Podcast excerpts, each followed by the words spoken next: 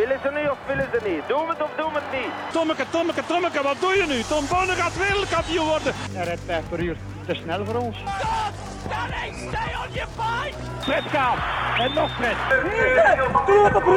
Jeff doen is hier. Jeff! Wat is er mis met Dumoulin? Hollands poepen. Hij heeft diarree. Don't stand on my dog or I cut your head off. Daar is hem, daar is hem!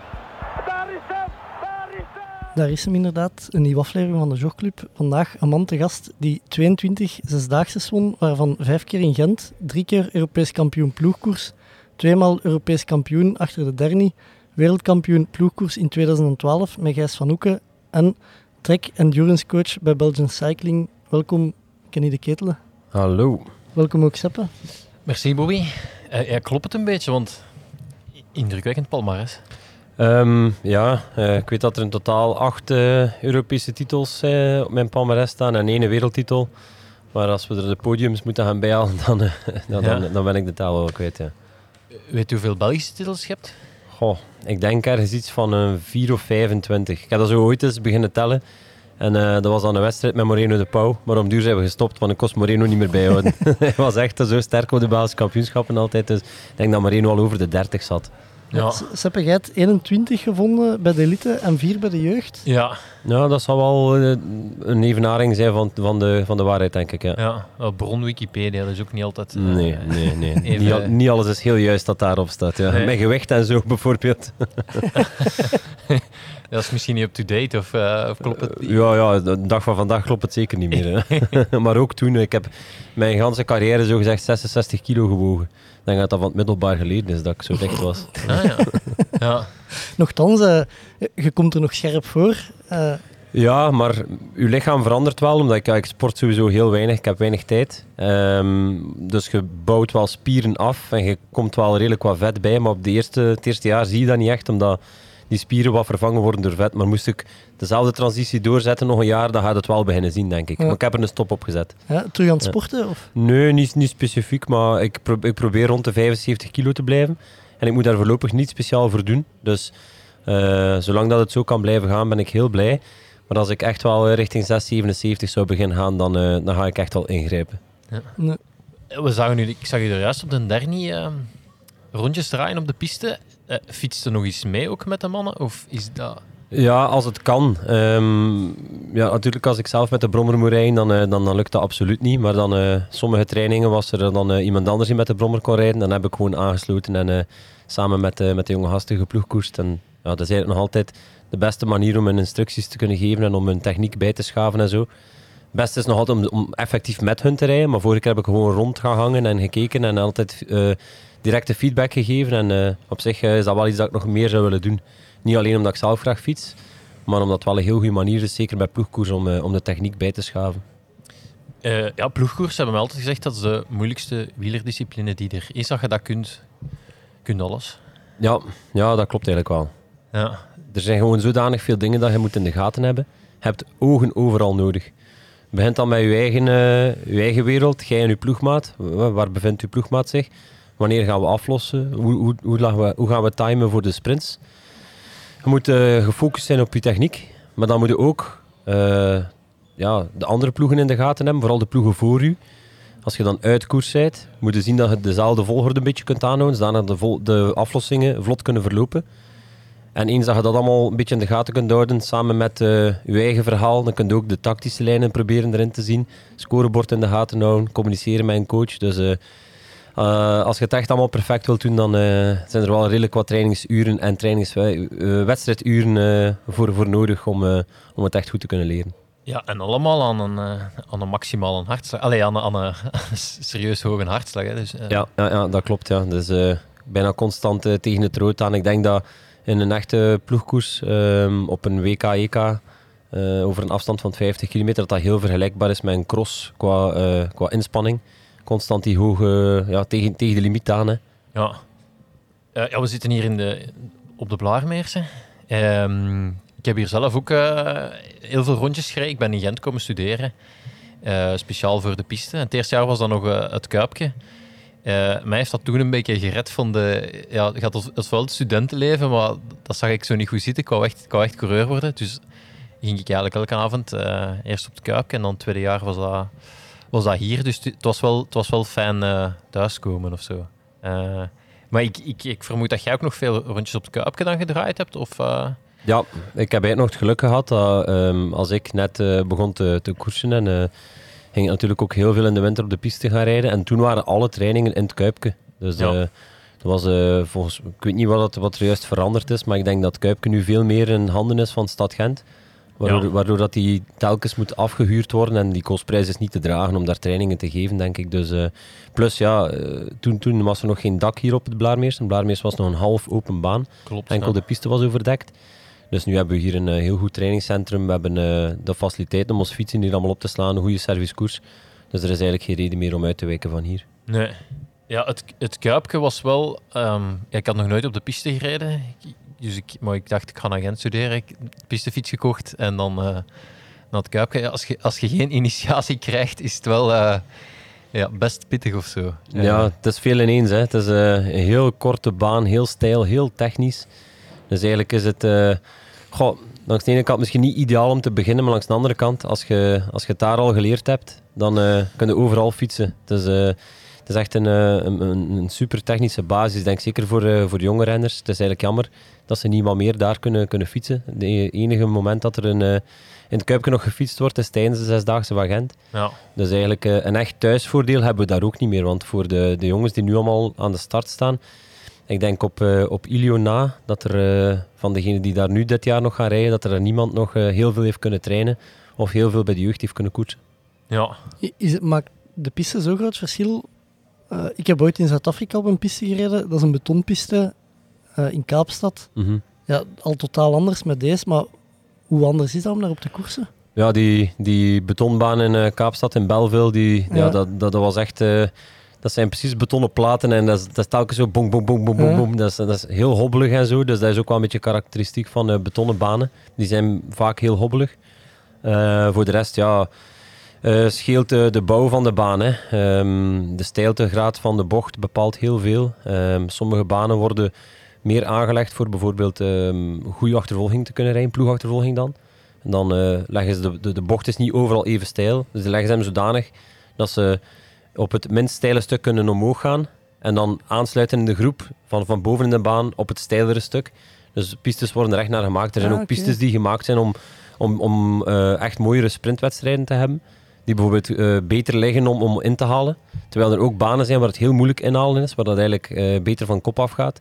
Dus elke piste heeft echt zijn karakteristieken. En dat, dat is een enorm verschil. Natuurlijk, eh, als je met, met, met jeugd en met, met, met wielertoeristen eh zou gaan fietsen, zou je er misschien heel weinig van merken. Maar eh, dat zijn wel dingen die ons wel bezighouden, ja. Ja, Ik herinner me vooral van die eerste keer op het Kuipje dat ik er niet afgeraakte. dat, dat, daar, eh, dat ze me zeiden, je moet gewoon hard genoeg rijden dat je niet naar beneden schuift. Oké, dat, dat ging. eh, Je hebt geen remmen en, en dan is het simpel. Je moet eh, naar boven sturen is remmen eigenlijk. Dus je moet zien dat je, als je moet remmen, naar boven kunt. Ehm, maar ik, ik raakte er niet af, want dan moet je Ja. naar beneden rijden en dan maakt de snelheid. Dus dat was, dat was nog het moeilijkste opgave van... Ja, het is eigenlijk een beetje een uitbollen beneden, maar het is ook zodanig, ja, het is ook stijl beneden, dus je begint trager te rijden. Maar uitbollen op de Côte d'Azur is ook niet echt een optie, want dan rijd je eigenlijk nog altijd te snel om op die Côte d'Azur te rijden, die blauwe neutrale zone, omdat die, ja, die piste is ook zodanig klein is, die bocht zodanig kort. ja. Dus het is inderdaad, eh, daar moet je echt al gaan tegentrappen om er eh, vlot uit te gaan. Ja. Ehm, ik herinner me ook wel dat dan een, eh, toen toch, ehm, dat was een redelijk gesloten wereldje. Ik, ik, ik, ik kwam daar aan als, ja, ik had gewoon een, een, een abonnement gekocht. En ehm, ja, ik weet dat daar, dat daar maar dat, dat, dat, er, werd zo, er werd zo niet veel uitleg gegeven of zo. Het was niet van, ah, een nieuwkomer, welkom of zo. Ik, ik eh, kreeg regelmatig iets onder mijn voeten, omdat ik langs binnen voorbij stak en zo. Allemaal dingen die je, die je eigenlijk hoort te weten, denk ik. Ehm, maar dat is wel een, heel pak geëvolueerd. denk Ik denk dat, de- trainingen nu eh, eh, veel... eh, je moet je daar al voor inschrijven, denk ik. Je hebt een, het, is al, het is een heel andere opzet dan, dan toen nog in het Kuipje, denk ik. Ja, maar het voordeel is ook gewoon, de piste hier is eh, de, de hele dag beschikbaar. Hè. Van 's morgens vanaf dat het centrum open gaat, kun je Ja. in, in, in principe kan er gereden worden. Natuurlijk, als de baan afgehuurd is, kun je er niet zomaar eh, tussen gaan rijden. Maar eh, er zijn genoeg beschikbare uren die nog altijd vrij zijn, waar dan, dat iedereen met een eigen fiets kan sowieso komen rijden dan. Ja. Ehm, dan zijn er ook uren waarin er fietsen beschikbaar zijn, waar je een fiets kan huren. Ehm, en verder zijn er ook heel veel eh, initiaties. Ehm, voor de jeugd zijn er lessenpakketten waar ze een beetje leren wat het pistewielrennen inhoudt. Ze, ze leren de verschillende disciplines kennen. En dat is dan wel constant begeleid door eh, een hele groep aan, eh, aan mensen die dat ehm, al jaren doen. En ehm, op zich is dat wel goed dat ze dan daar direct een heel goede in- inkijk krijgen over wat dan net de baan is. En ehm, waar dat je best kunt rijden, waar dat je best snel kunt rijden. En, eh, dus in, in feite is dat wel inderdaad heel anders dan in het Kuip. In het Kuip had je gewoon eh, een, een bepaalde eh, uurblokken die, Ja. die in de week vastlagen. Waar dan je kon fietsen en dan was het gewoon ja, elk voor zijn eigen schel. En je moest maar zien wat dat het deed. en, en proberen, ja, als er dan grote renners kwamen, goede profs of zo, die eens kwamen meerijden, was vooral zaak van niet in hun weg te rijden. Nee, klopt. Eh, dat, ja, dat was een tijd van eh Gilmore en, en, en, en Ilio. Eh, en die rijden heel, heel die twee uur rijden die boven aan de, aan de balustrade. Ja. Ja. En ik daar dan, daar dan achter. Maar Ja. wat super vermoeiend is, want je moet eigenlijk, Ja. je, je moet eigenlijk de berg optrappen. Hè. Dat is... eh, ehm, Ja, het ding is vooral op de piste, wat ik hier ook heel veel zie, je hebt in de winter heel veel wegrenners die ook de baan komen gebruiken als het te koud is buiten en ze zijn nog niet in Spanje. Of ze zijn even terug het land in en het is buiten echt slecht weer. Zie je er heel veel hier eh, soms drie, vier uren op die baan komen rijden, waar dat de piste eigenlijk niet echt voor dient. Maar goed, ja, er wordt, eh, ze, hebben een uur gemaakt, maar je ziet dat die mannen niet echt de piste gebruiken. Dus ze liggen hun eigenlijk eh, zo gezegd dood te trappen eh, door, door constant overal dezelfde druk te houden op de pedalen. Wat dat eigenlijk een goede pistier gaat dat niet doen. Een goede pistier gaat de, de baan gebruiken. Die lijnen liggen daar wel. Je hebt de blauwe lijn, de rode lijn, de zwarte lijn. Ah, Hier in de Blaarmeester is de witte lijn, maar goed. Ehm, maar wij gaan nooit die lijnen gewoon volledig gaan volgen. Omdat je dan, ja, dan volgde een bepaald parcours dat niet de ideale lijn is. Wij gaan altijd in de rechte stukken gaan we wat hoogte gaan zoeken. Dan snijden we de bochten in. Zelfs als we boven in de baan rijden, gaan we dat gaan doen. Waardoor dat je op de rechte stukken veel meer kunt ont- ontspannen. En dat je op de, op de enkelpas in de, in de bochten echt moet doortrappen om op, eh, je ketting op spanning te houden. Waardoor dat je minder gaat gaan slippen en zo. Dus allee, het is, eh, om echt goed op de piste te rijden, eh, heb je toch al wel, ja, heel veel tips en tricks die iemand ooit moet vertellen. Ja. Of anders blijf je gewoon tegen de muur rijden. ja. Heb je ooit iets anders gedaan als op de piste rijden? Allee, in de jeugd je andere sporten gedaan? Ehm, ik ben eh, eigenlijk altijd eh, voetballer geweest. Ik heb eh, één jaar is, weggegaan van het voetbal. Ik denk dat ik toen 11 was. Toen heb ik een jaartje basket gespeeld. Maar dan daarna opnieuw tot mijn vijftiende altijd gevoetbal. Van mijn vier tot mijn vijftien voetbal. Ja. En nu eigenlijk nu, ik ben gestopt in de Zesdaagse van Gent. Normaal ging ik nog Rotterdam rijden twee weken daarna. Maar vanaf het moment dat Rotterdam eigenlijk, dat was al de dag erna dat ik al wist dat de Rotterdam niet ging doorgaan door, door COVID. Ehm, ik denk dat het geen vijf dagen geduurd heeft dat ik mijn eerste minivoetbalmatch opnieuw gespeeld Ah, ja. had. Dus eh, ik ben alweer actief in het voetbal. Hoeveel dagen stijf geweest dan? eh? Ja, in het begin was dat verschrikkelijk. Maar nu eh, ondertussen voel ik allemaal eh, weinig meer. Ja. Ik denk ook dat mijn spiermassa zodanig laag is dat ik gewoon niet meer stijf word. Hoe zijn je dan op de fiets beland? Ehm, ook door de, door de voetbalschool eigenlijk. Wat een, eh, een eh, voetbalkamp. En ehm, in dat voetbalkamp zijn we ook hier op de Blaarmeester komen rijden om toch iets anders te doen dan voetbal. En dat was toen onder leiding van eh, Erik van de Wielen. eh, gewezen wielerprof en ook, eh, was toen ook trainer bij de Wielerbond Vlaanderen, of nee, de Vlaamse Wielerschool, sorry. Noemde toen de Vlaamse Wielerschool. En ehm, ja, ik, dat ging direct vrij vlot bij mij. En dat, ik was toen 12 jaar of zo, denk ik. En hij had gezegd van, ja manneke, je hebt precies wel wat aanleg voor te fietsen. Hè. Anders kun je, kun je eens proberen. Hè. Dat zijn een paar lessen volgen bij de aspiranten en zo. Maar ik heb dat nooit gedaan, omdat ja, fiets aankopen is, eh, is niet zo voor de hand liggend als het thuis een beetje krap is. We waren ook met vier kinderen en mijn, mijn vader eh, was er niet. Ehm, die is heel vroeg overleden. Dus ja, mijn mama had toen gezegd van, kijk, als je 15 wordt en je wilt nog altijd fietsen, dan kun je een vakantiejob doen en je fiets kopen. En zo heb ik het dan uiteindelijk gedaan. Op mijn 15 eh ervoor beginnen werken, gras gaan afrijden bij de mensen eh, in, de, in de wijk en zo. En eh, ja, direct genoeg verzameld om de fiets Ja. te kunnen kopen en ik was vertrokken. Wa- Wat was die eerste fiets?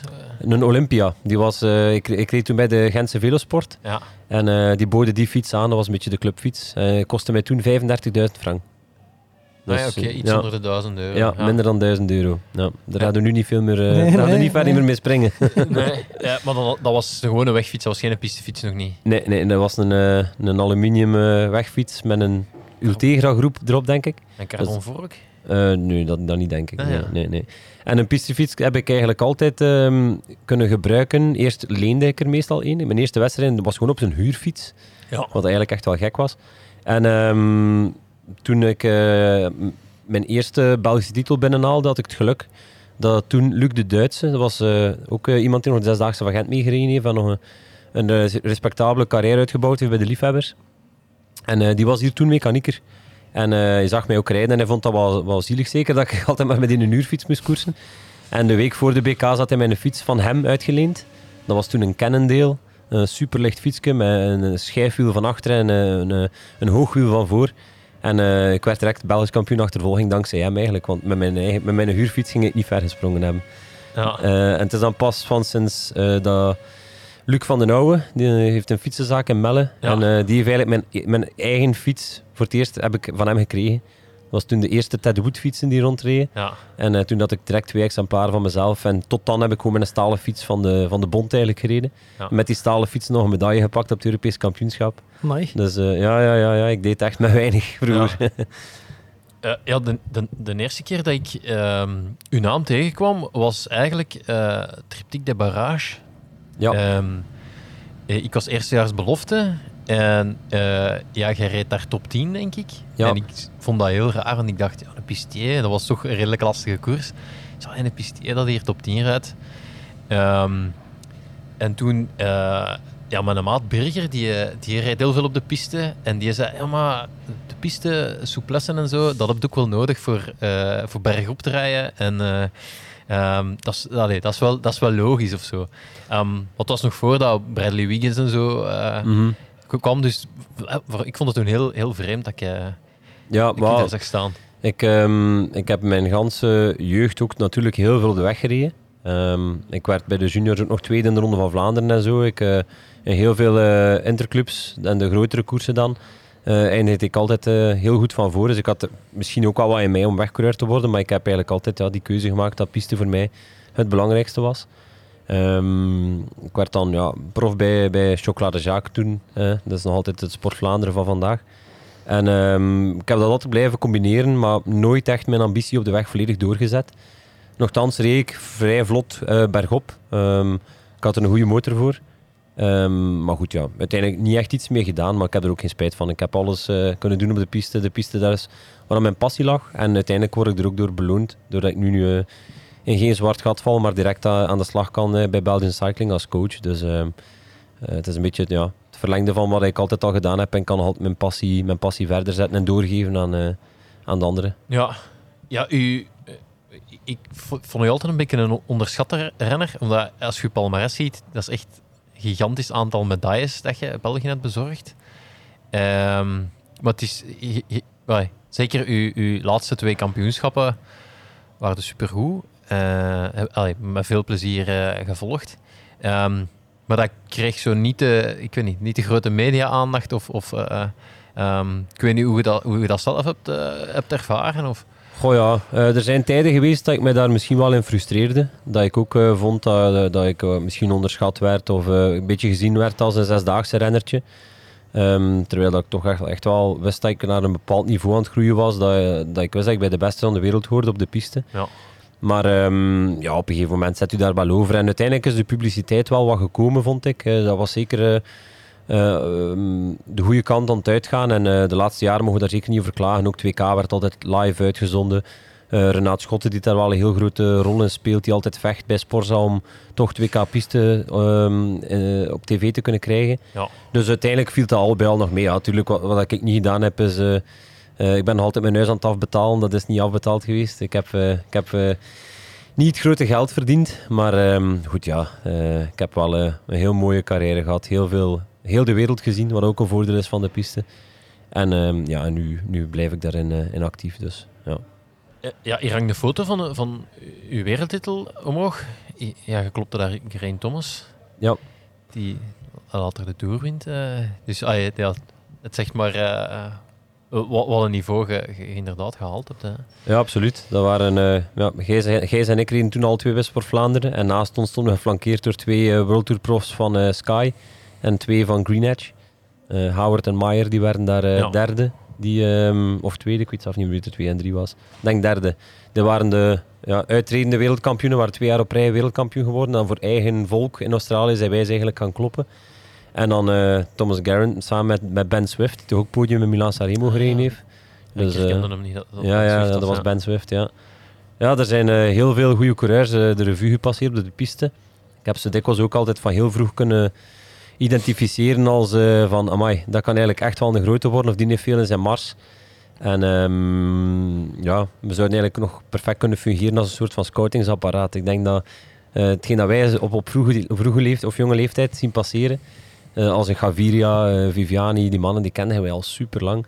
eer dan die dan op de weg bekend worden. Dus eh, ja, het zou misschien nog goed zijn om af en toe een keer een hintje te sturen naar iemand. Ja. ja, ik heb hier ook mijn passage van wedstrijden gehad, maar dat is, dat is, dat is niet blijven hangen. Dus eh, het, zegt misschien veel over mij als pistier. Ja, ik, ik heb denk ik een, wedstrijd of, of zes gereden, eh, maar vaak waren dat eh omniums en moest u plaatsen door een 200 meter te rijden. Eh, wat al niet mijn sterkste kant was. Dus ik, ik eindigde meestal dat ik me niet kwalificeerde en dan ergens het B-programma Mhm. ehm, moest rijden. En dan, ehm, ja, ik was super nerveus, omdat, ehm, ja, ik, ik aanschouwde nu een beetje als, als de gouden generatie. hè. Je, je, je had, eh, je had u, je had Steve Schets, je had Igmar de Poorter, eh Tim Mertens, Dominique Cornu. En ik wou vooral niemand in de weg rijden. En ik had vooral schrik, wat gaat er gebeuren als er pelotonvorming was? Ehm, maar ik denk zo, de, een van de eerste wedstrijden dat ik deed, was ik echt zo al na, na tien ronden gedubbeld of zo. Dat ging zodanig rap dat er, dat er eigenlijk nooit pelotonvorming is geweest. Dus, eh, maar het, eh, allee, het was wel altijd heel tof om, eh, om die pistemeetings in de winter te doen, vond ik. Eh, ja, ja, absoluut. Hoe, hoe was dat om zo... Ik, ik- ik heb op de weg gekoerst ooit, ehm, maar ik heb altijd het idee gehad van de piste, dat is eigenlijk een kleine groep atleten die in de winter het circuit afreist of zo, de wereldbekers, eh, de kampioenschappen, en dan een paar die zesdaagses hier en daar gaan doen. Hoe was dat om daarin te zitten? Of? Ja, dat was eigenlijk wel. eh, ik, vond dat, ik vond dat fantastisch. Ehm, een hele drukke eh, winter altijd met alle zesdaagses, met de wereldbekers die er waren. Afsluiten met een WK. Korte rustperiode en dan in mei vol de weg op en een heel wegseizoen meedraaien. Dat was eigenlijk echt wel fantastisch. Dat was goed, goed combineren met alles ook. Dat is nu wel een van de uitdagingen die we deze, eh, deze modernere tijden hebben. Ehm, de piste is niet langer een wintersport. Op de zesdaagse van Gent en Rotterdam na is er eigenlijk bijna niks te doen. We beginnen pas in februari nu met het EK. Dan eh, volgen er wel drie Nation Cups tussen februari en april. En dan liggen we met een WK in augustus. Dus dat is wel, ehm, ja, we moeten een beetje opboksen tegen eh, ehm, de wegploegen. Dat je niet echt opboksen, maar we moeten alleszins proberen van de renners op, genoeg vrij te kunnen krijgen dat ze kunnen, toch kunnen komen voorbereiden. En eh, dat we ja, iedereen die, die, die goed is kunnen meepakken naar de, naar de kampioenschappen op het juiste moment. Dus eh, het is wel een, eh, een, een enorme uitdaging om, om je nu te engageren voor iets, iets extra naast de weg. Ehm, maar goed, ja, op zich lukt het wel. En de piste is sowieso iets dat je moet graag doen, dat je echt moet, moet willen. Er zijn eh, veel renners die, ehm, die dikwijls ehm, goed waren op de, op de piste. Ze zijn dan op de weg gegaan met, met grote ambities, eh, veel geld willen verdienen, wat dat op zich wel oké is. Maar ehm, na een paar jaar, als je er dan eens mee praat, hoorde wel van dat ze het missen. Omdat op de piste wel de enige plek was nog waar dat ze voor hun eigen kunnen rijden. Waar dat je zelf Succes voor- ervaren. ja, succes kunt ervaren, waar dat je medailles kunt pakken. En ehm, ik denk als, eh, als iedereen een beetje die klik, eh, die, die nu een goede basis heeft op de piste, zal keer die klik kunnen maken van oké, het is nu nog eens het moment om, eh, om voor mezelf te gaan. In plaats van kilometers op kop te rijden, peloton, wat ook heel eerbaar is, hè, wat, ook nodig is. Maar ehm, ja, ik denk dat het echt wel een- de ideale afwisseling is en de ideale variatie. En met een minimum aan onderhoudstrainingen kunnen we echt wel je niveau op de piste deftig houden als je, als je goed op de weg presteert daarnaast. Zo een zesdaagse, dat lijkt me zo'n adrenaline rush van, van, van zes dagen. Eh, ja, ik heb alleen maar eh, Gent gezien eigenlijk. Dus ik weet niet of dat, dat overal ook zo is. Dat dat, dat, echt... Ja, het, eh, lijkt me super om voor zoveel volk te mogen doen waar je goed in zit. Ja, maar Gent is wel de speciaalste van de hoop. En ik zeg dat niet alleen maar omdat onze thuis zesdaagse was. Of, eh, ehm, ja, het- is gewoon... Het, grootste verschil is... eh, heel kleine baan. Eh, het volk zit, er, zit, ja, zit, zit bijna in uw nek. Als je aan het eh, koersen bent. Eh, middenplein is ook toegankelijk voor iedereen. Voor de studenten meestal. hè. Ja, ja inderdaad. Maar ehm, Ja. in heel veel ehm, andere zesdaagse in het buitenland ehm, is het middenplein voorzien voor VIP's. En dan komt er niks van sfeer vanuit het middenplein. En in Gent wordt de sfeer echt gebracht vanuit het middenplein. En dat brengt, ja, dan maakt er daar zo'n een kolkende massa van met heel veel eh, geroep en gezang en, en, en, speciale tafereelen. En, eh, er is geen enkele zesdaagse in de wereld die, eh, die in de buurt komt qua sfeer als Gent. Je hebt er ook wel, hebt wel een paar die een heel aangenaam rijden zijn of waar dat je echt wel ehm eh, goede faciliteiten hebt of een heel mooi hotel of zo. Dat zijn ook dingen die allemaal rekening mee houdt. Maar Gent is echt wel... iedereen wil winnen in Gent sowieso. Omdat het blijft de beste zesdaagse die er is. Ja. Hoe, was dat hier om afscheid te nemen dan van, eh, van, van het Kuipje en van, allee, met- overwinning? Dus, eh, Ja, wel. ehm, ja, dat was heel speciaal natuurlijk. Hè. Ehm, ik had het eh, vooraf altijd gezegd van oké, het klinkt wel romantisch om je laatste wedstrijd te winnen en zo. Maar voor mij was dat niet echt de, de, de, insteek. Ik wou vooral heel bewust die laatste week ehm, eh, meemaken en op mijn manier overal afscheid van nemen. Maar ja, ik was toen echt wel nog altijd in bloedvorm. Sinds Tokio ben ik eigenlijk nooit echt eh, uit de toom gevallen. Een super WK gereden en dan eh, een week of drie, vier later was de zesdaagse daar al. En ik, ik nog altijd op de top van mijn kunnen. Ik denk dat er ook wel mee, te zien had dat, dat ik wist dat alles voor de laatste keer was.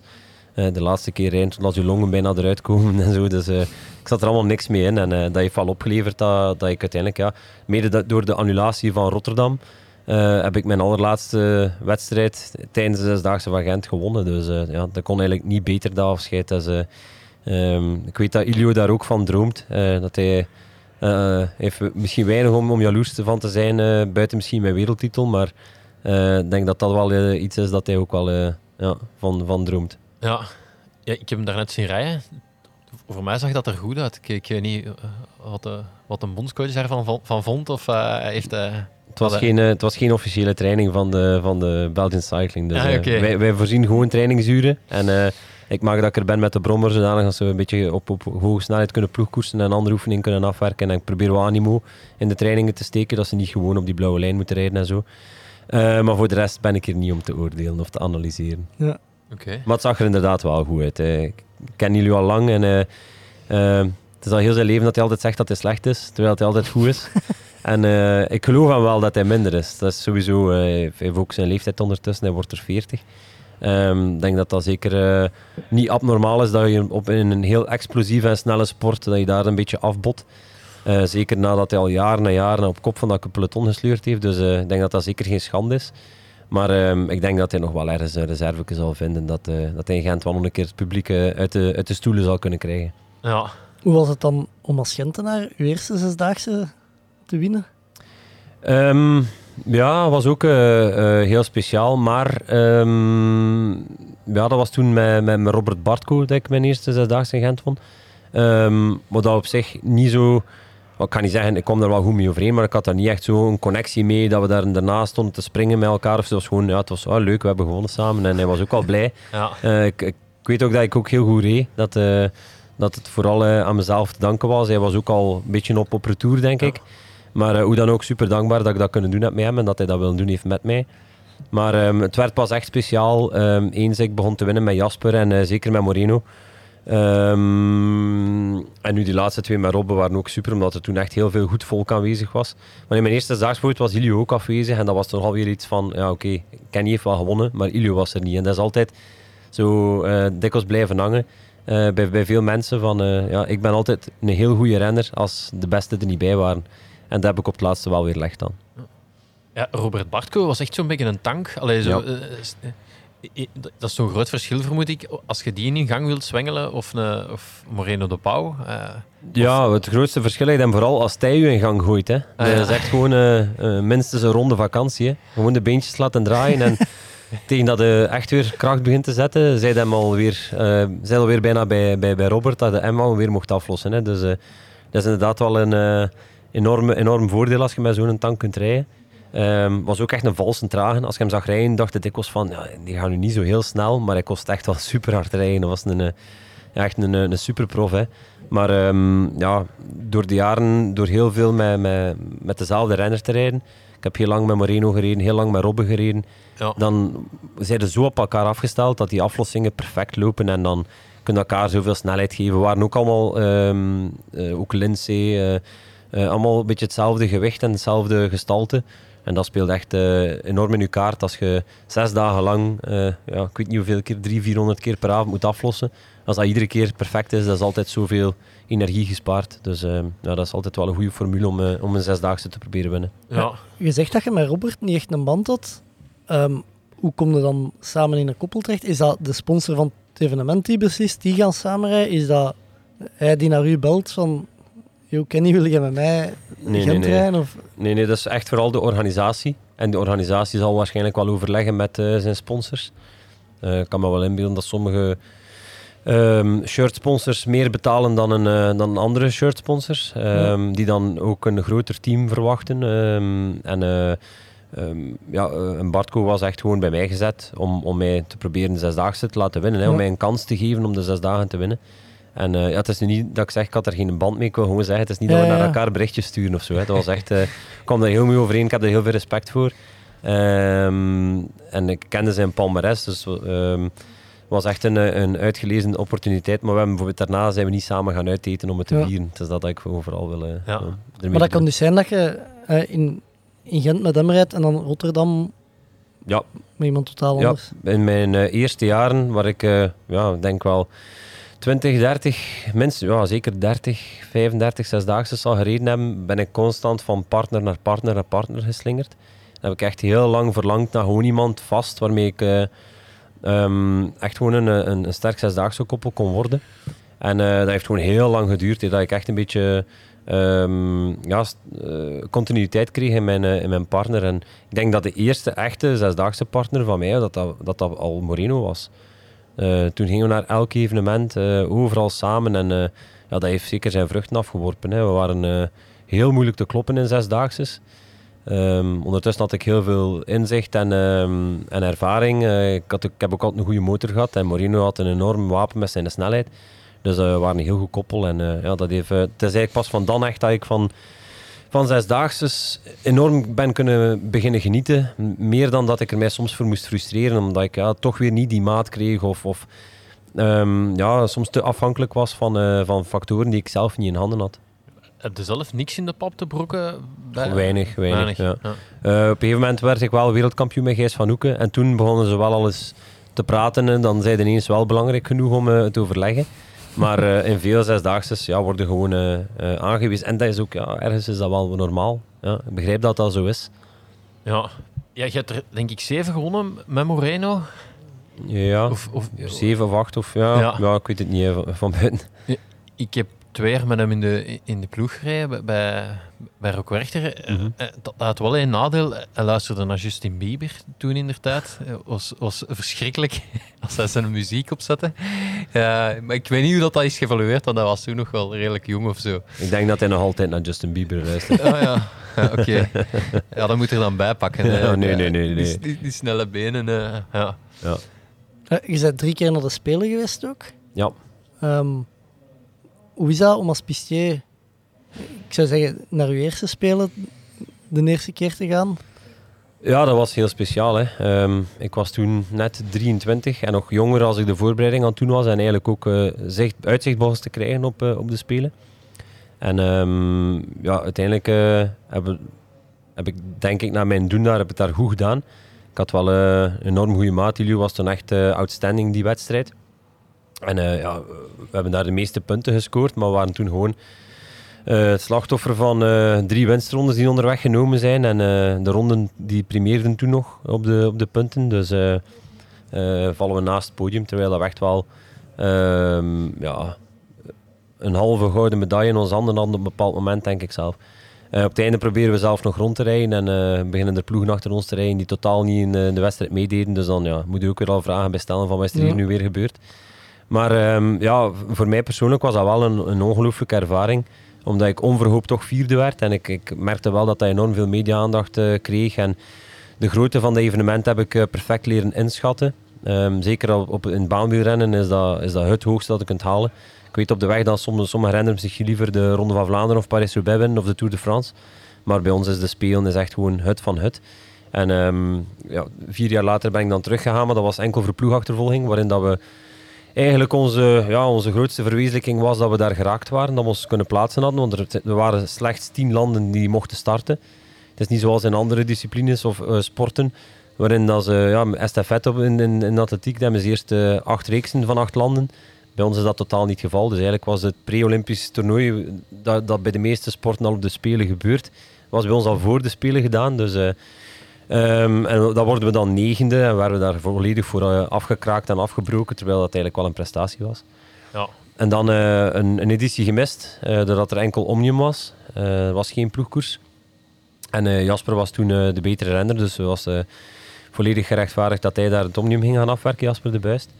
En dan ja, kwam het uitzicht op nieuwe ploegkoers in Tokio 2020, uiteindelijk 2021. En ehm, ja, daar eh, alles, alles voor gedaan. Iedereen zegt wel altijd dat ik heb er alles voor gedaan, maar ik had toen pas echt in de, in, in, in de gaten dat, er, eh, dat ik toen echt wel tot de limiet gegaan ben. En eh, ehm, ik ben heel tevreden met hoe dat alles daar gelopen is, hoe dat we alles aangepakt hebben en gedaan hebben. We hebben gewoon ja, dat tikkeltje geluk gemankeerd en opnieuw een vierde plaats. Hoe had je dan anders gedaan dan... Oh, pff. gewoon alles nog meer, nog specifieker. Ik had zelf, ik heb jaren geen trainer gehad. Ehm, eigenlijk sinds 2011 of zo, het jaar voor ik wereldkampioen werd, heb ik eh, afscheid genomen van mijn trainer die ik toen had. En ehm, ik denk tot 20, 2018 of 2019 heb ik het altijd allemaal zelf gedaan. Wat dat misschien niet de beste keuze is, maar ja, goed, dat was voor mij nodig, omdat dat, ja, ik was een beetje eh, qua trainingsleer of zo was ik eh, wat opgebrand geraakt, omdat het ja, zo eh, te specifiek was of zo, ik weet het niet. Maar dan de laatste twee jaar heb ik dan wel weer een trainer onder, onderhand genomen. Hoogte stages, hoogte tenten. Eh, sociaal leven thuis lag, eh, was volledig eh, aan banden, omdat ik altijd maar in die tent lag. En ehm, trainingen gedaan dat ik nooit van dacht dat ik die ging kunnen uithouden. En opgestapeld. En ehm, ik kreeg top 40 in de Ruta del Sol op de weg. Wat ook echt een heel zware rittenkoers is.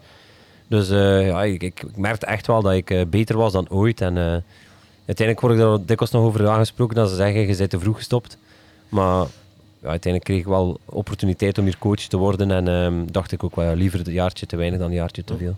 Ja, ik had dat ook opgeschreven. Je zet er vroeg gestopt. Voilà. Dank u. Eh, ja, als ik me niet vergis, op de Olympische Spelen, de Argentijnen rijden daar nog rond. Eh, en dat kost toen een, een, een, een medaille. Hè? En ik, ik zat echt te kijken en dacht, Argent-? Ja, ja, en die waren eh, 42 en 39 jaar. Ja, Dus eh, ja, inderdaad, de Argentijnen, de Spanjaarden en de Russen.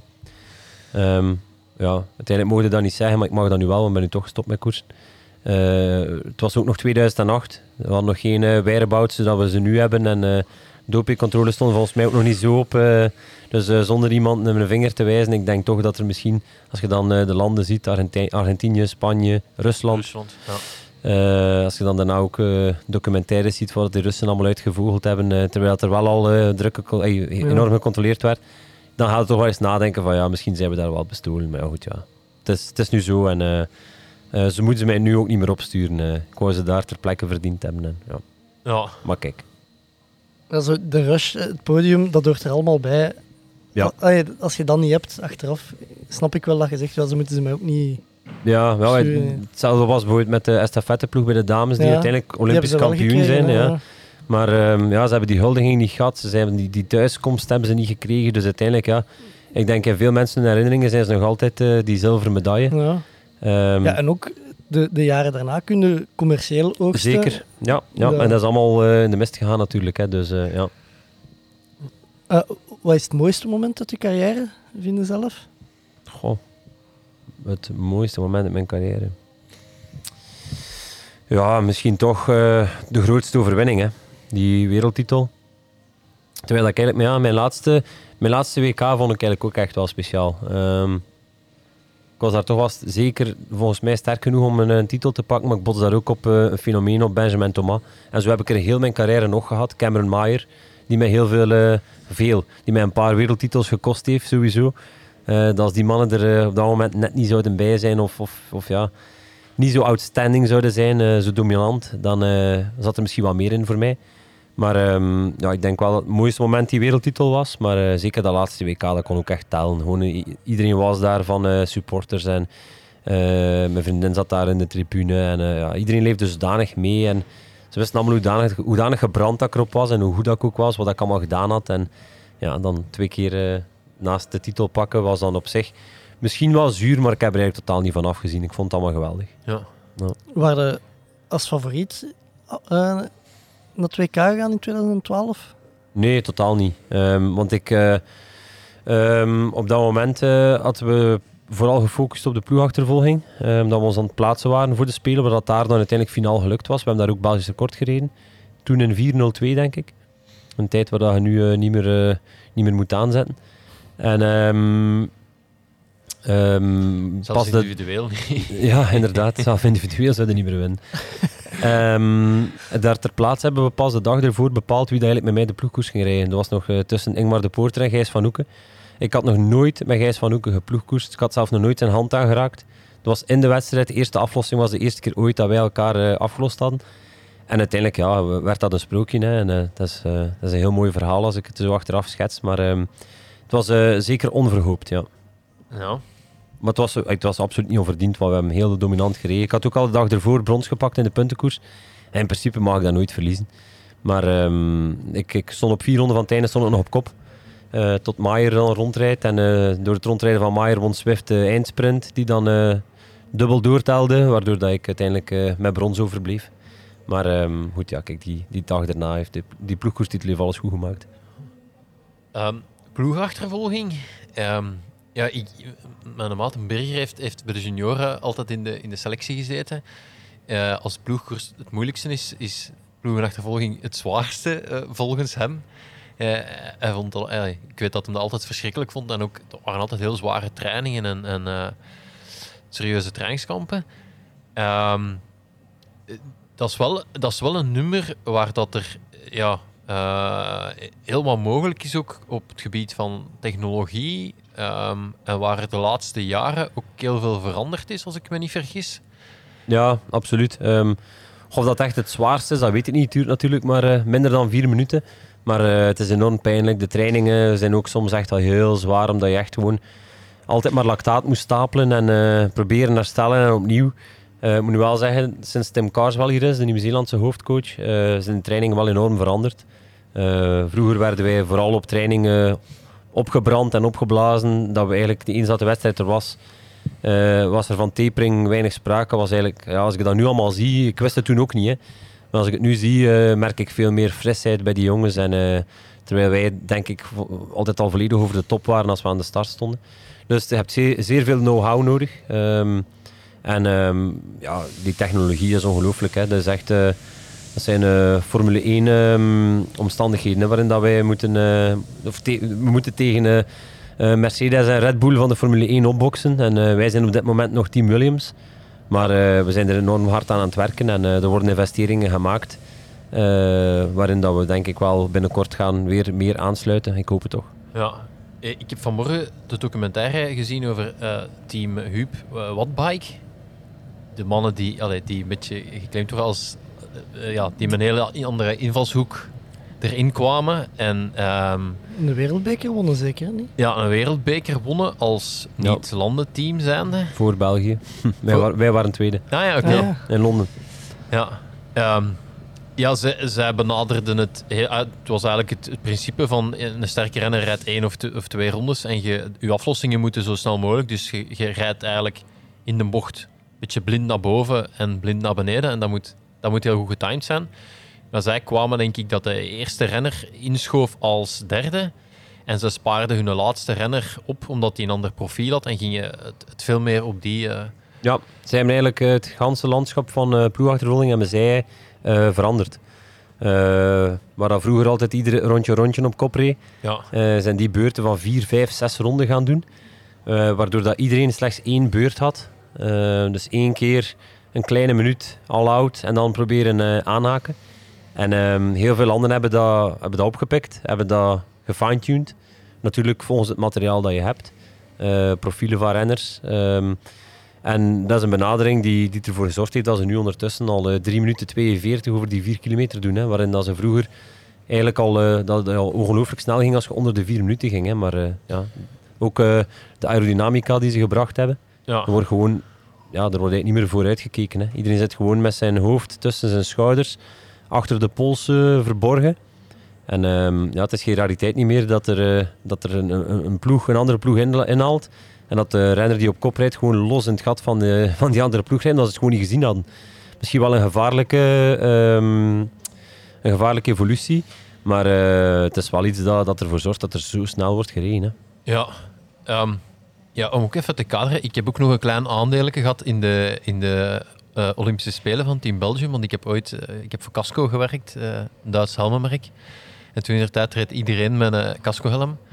Maar ehm, ja, het was echt al als 80% ermee reed dat ze ja, bij de federatie zeiden van ah, we moeten misschien ook eens zo'n helm kopen. Maar dat ja, zijn zo'n dingen dat jij nu zegt van oké, dat, dat kunnen we wel veranderen en we moeten niet kijken als iedereen het al heeft en dingen aankopen, maar we moeten echt zelf op zoek naar, naar die innovaties en naar de, de verbeteringen. Of, eh, Ja, ehm, ik heb zelf in de tijd mijn casco gekocht. Dus eh, ik Oh, heb ja, die oké. eh, zelf aange- aangeschaft. Ehm, ja, één ding is wel zo. ehm, qua innovatie, qua engineering, kunnen wij niet mee met die grote landen. Wij hebben gewoon sowieso het budget niet. We, hebben, we hebben niet de mogelijkheden om, om, om zelf met, met, met volledig nieuwe dingen te komen. Of nog niet. Ehm, maar wat dat er wel ehm, ja, te lang is gebeurd, is dat we met, te lang met hetzelfde materiaal blijven rijden. Nu, eh Lot en Shari zijn de kerstverse wereldkampioenen in de ploegkoers. En zij rijden met eh, wel een nieuwe kader. Het is, geen, eh, het is niet dat het een fiets is Nee, van, nee. van zo oud, maar dat is een kader die gemaakt is voor de Spelen van 2012. Dus dat is technologie van meer dan 10 jaar oud, want die kader is ontwikkeld twee jaar daarvoor. Dus dat is makkelijk eh, 11, 12 jaar oud, die technologie.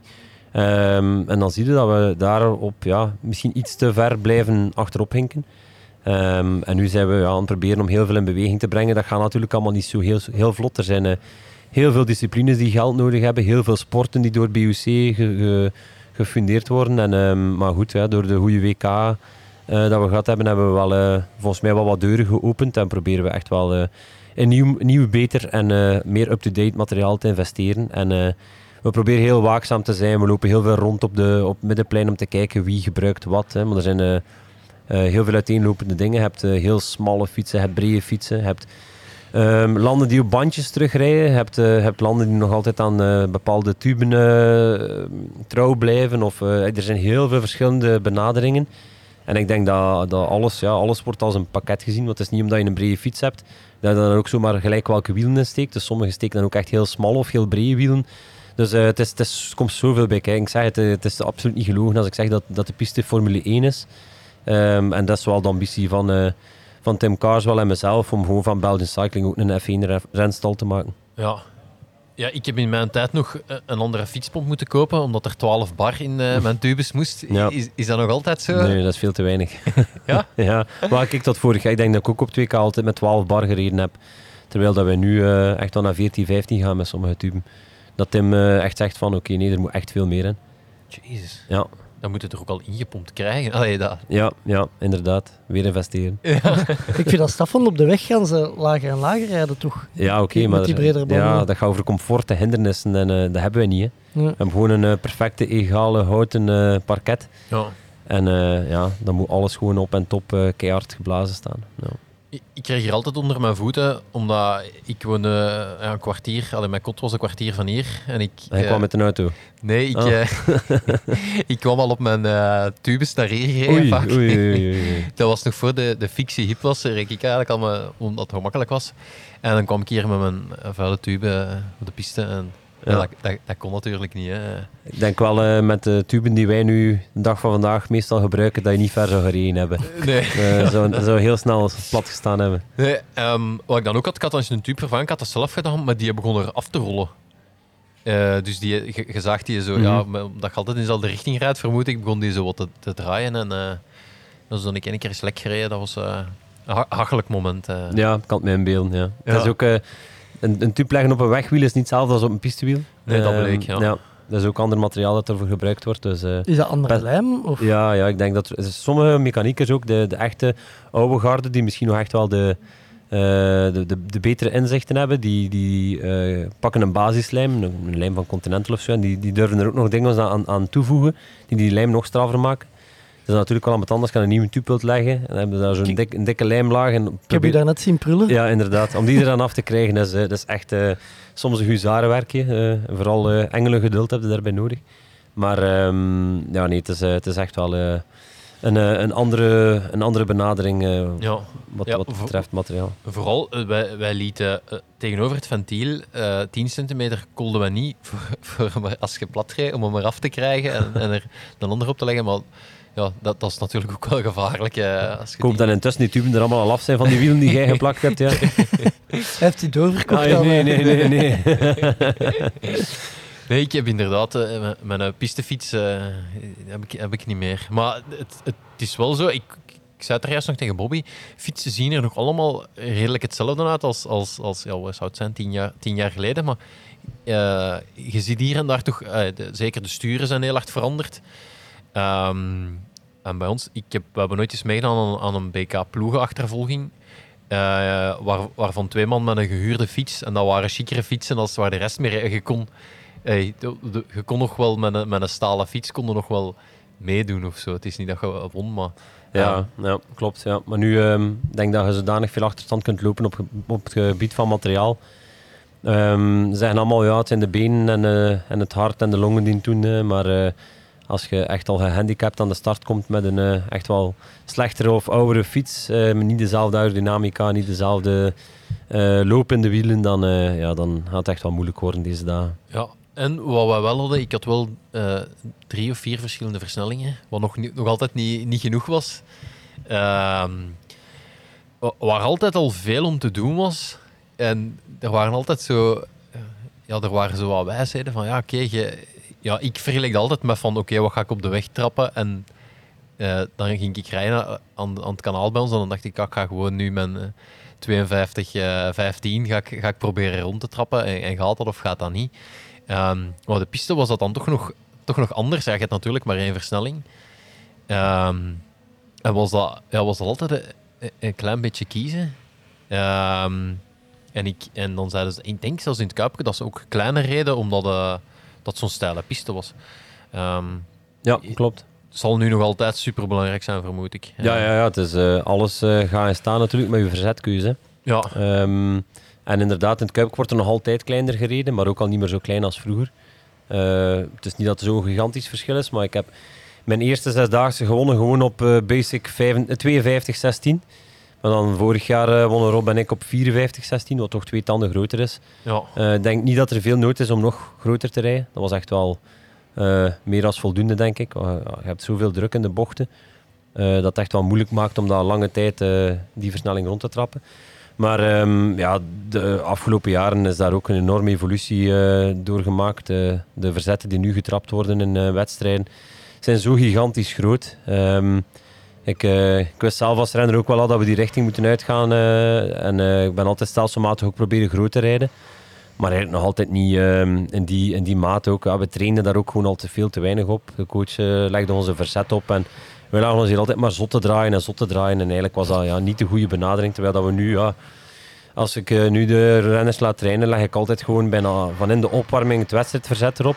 In het begin was dat dikwijls van, ja, moeten we nu al zo groot rijden? Maar nu zijn ze er allemaal zodanig aan gewend dat ehm, ja, Lotte en Shari winnen het WK op een versnelling. eh, waar ik twee jaar geleden nog maar voor het eerst mee gereden had. Dus dan zie je maar al wat evolutie daar op korte termijn in kunt maken. Ik weet ook nog, als we het WK ploegachtervolging reden in Apeldoorn. ehm ik reed al de ganse winter een tandje groter als de rest. Ik start altijd op positie 4. Maar dat toch maakt dat je start niet zo super lastig is. Want je hebt al meer de val van de piste en je hebt drie man voor u. Wat dat enorm voordeel geeft. Dus ik stak altijd een tandje groter. En eh, aan de start ehm, van de, een uur voor de wedstrijd zag ik dat mijn verzet niet klopte. Dus ik, eh, ik ging naar de ik pas het aan. Hij deed dat. Ja, uiteindelijk, de coach zag dat wel gebeuren, maar hij zei niks. En eh, de andere renners vroegen, wat heb jij gedaan misschien? Ik zei, ik heb een tand groter gestoken, maar ik doe dat al heel de winter. Ah, maar ik wil ook een tand groter. En dan eh, uiteindelijk is iedereen zijn versnelling gaan vergroten. En we hebben daar niet de tijd gereden wat, er, eh, wat er van ons verlangd werd. En uiteindelijk was ik de kop van Jut.